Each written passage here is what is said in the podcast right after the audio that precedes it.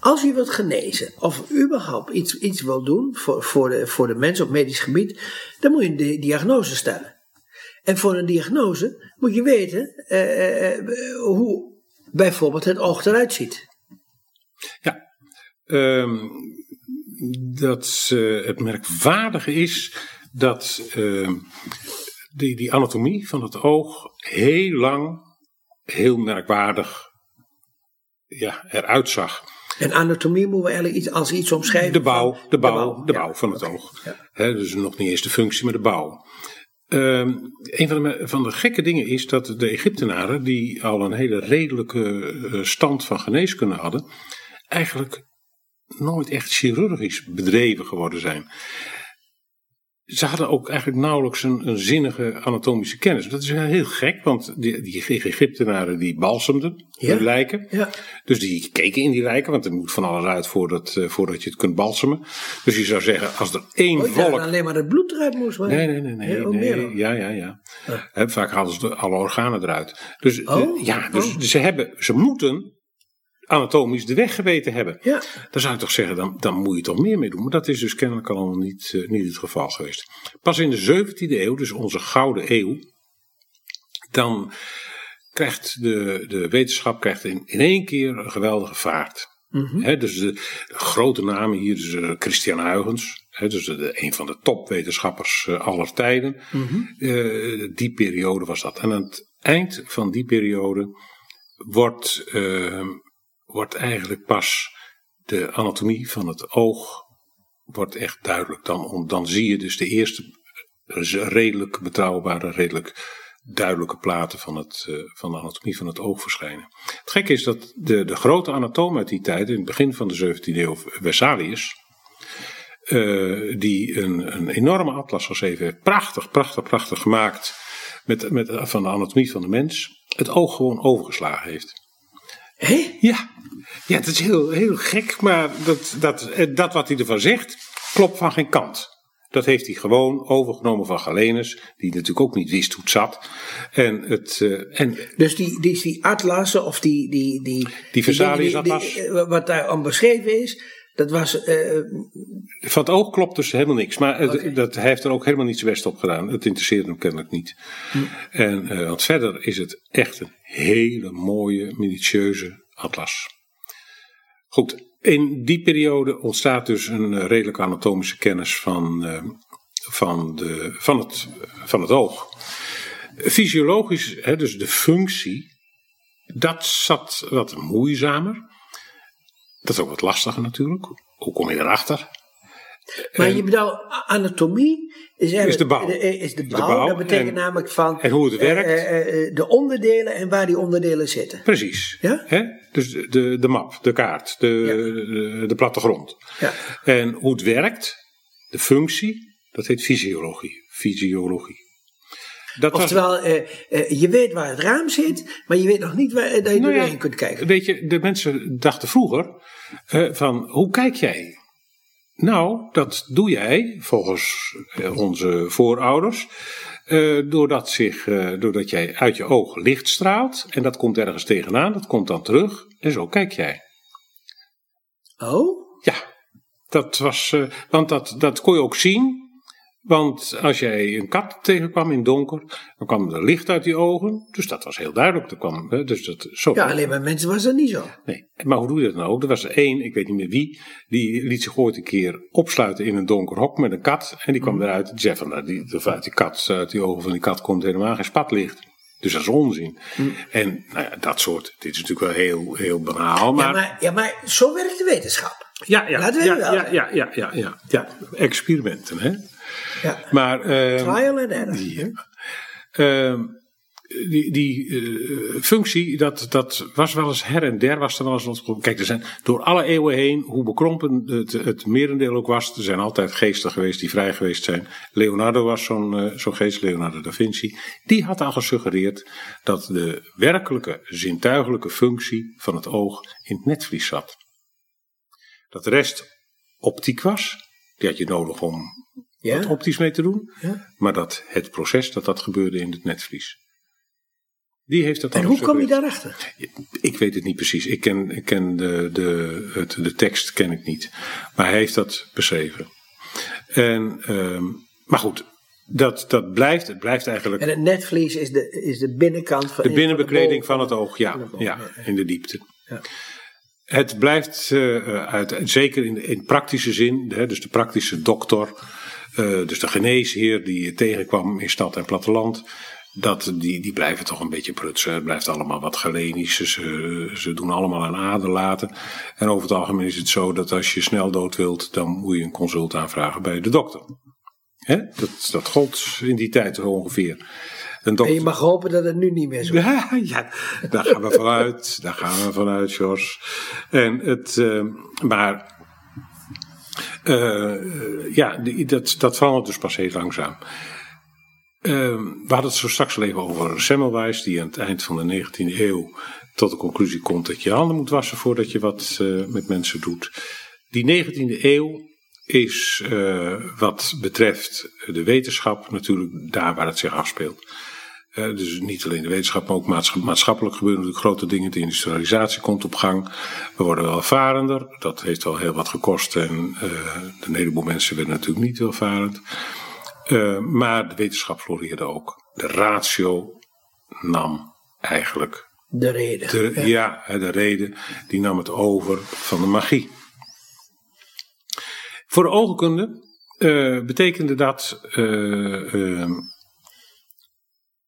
dat begon zich echt te ontwikkelen. In 1805 ontstond in Londen het eerste oogziekenhuis. Dat is te, tegenwoordig een Moorfields Eye Hospital. Een uh, beroemde instelling. En dat zag je op meer plaatsen in de wereld gebeuren. Uh, 1800? 1800, ja. Al 1805 ontstond het al. En, en in 1830 of 1835 het... Uh, maar wat moet ik me daarbij voorstellen bij een oogziekenhuis in 1800? Nou ja, dat, dat, daar, daar werd de, de, de, oog, de oogheelkunde uh, naar, uh, naar beste eer en geweten en volgens de, de stand toen van de wetenschap bedreven. Maar wat konden ze dan? Uh, buiten dan die staaroperatie? Nou ja, dat begon toen te komen. Hè? De, dat, de, de, ze hadden Daviel gehad, dus die, die staaroperatie die ging mm -hmm. beter. Uh, men begon ook wat meer inzicht te krijgen in, in de pathologie, in dus de, de ziekteleer. Mm -hmm. Dat kwam zo in die periode. Nou, dat ging eigenlijk vrij hard. En in uh, in het midden van de uh, 19e eeuw zie je dan dat er een aantal echte grootheden opstaan in een aantal landen. In Engeland Bomen, in Duitsland Von Greve en in Nederland professor Donders. Mm -hmm. En we hadden het zo straks al even over hem. He, dat, de, hadden we het even over zijn uh, arrogante houding ten opzichte van Darwin. Dat hij vond dat hij de bedenker was van de evolutieleer. Uh, hij was een bijzondere man. Hij was de, de, de zoon van een weverfamilie uit Tilburg, arm. Veel kinderen, uit veel broers en zusters. En het. Uh, dat is iemand die zich opgewerkt heeft. Ja, nou, en niet zo'n klein beetje ook. Hij, uh, hij werd, was bioloog.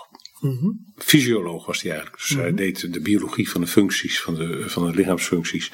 Met een speciale voorliefde voor het oog. en, uh, maar dat waren toch ook, ook uh, natuurkundige biologen? Ja, dat waren toch de eerste wetenschappers zo'n beetje? Ja, absoluut. Ja. ja, en voor hem gold het zeker ook.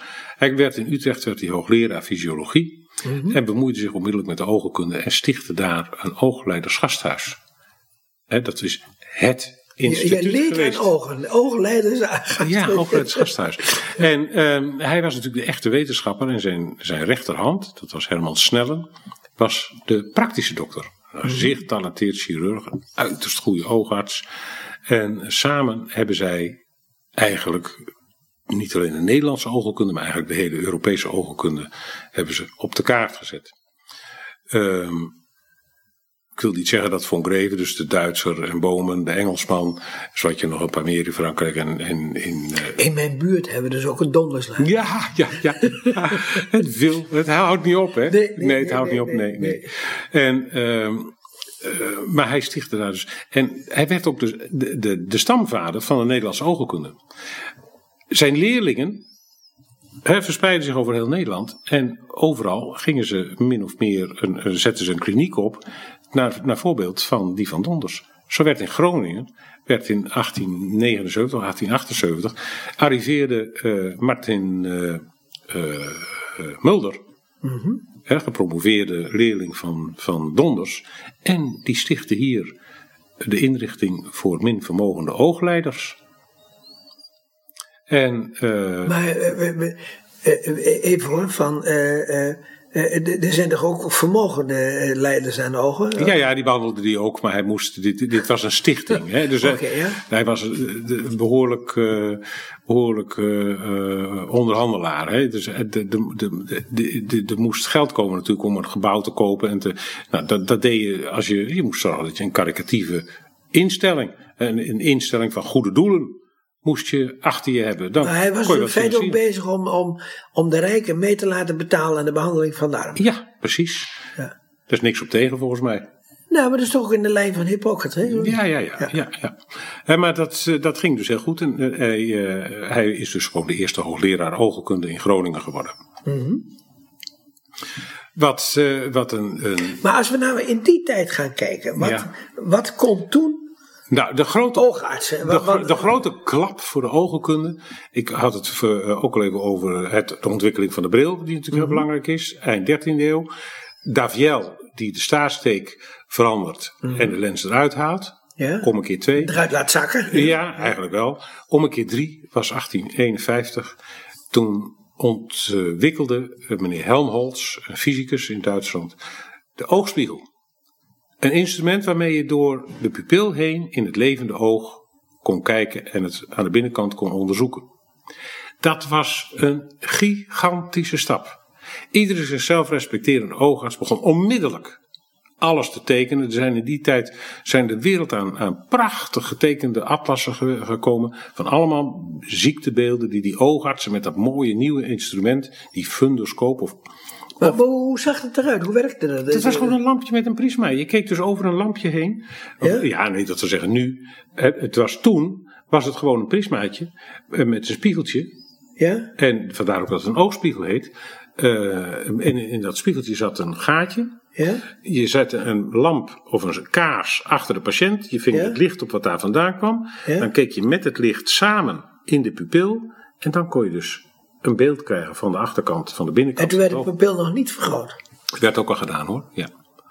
Ja, men wist al hoe je dat moest doen. Oh ja, hoe doe je dat dan? Met cocaïne.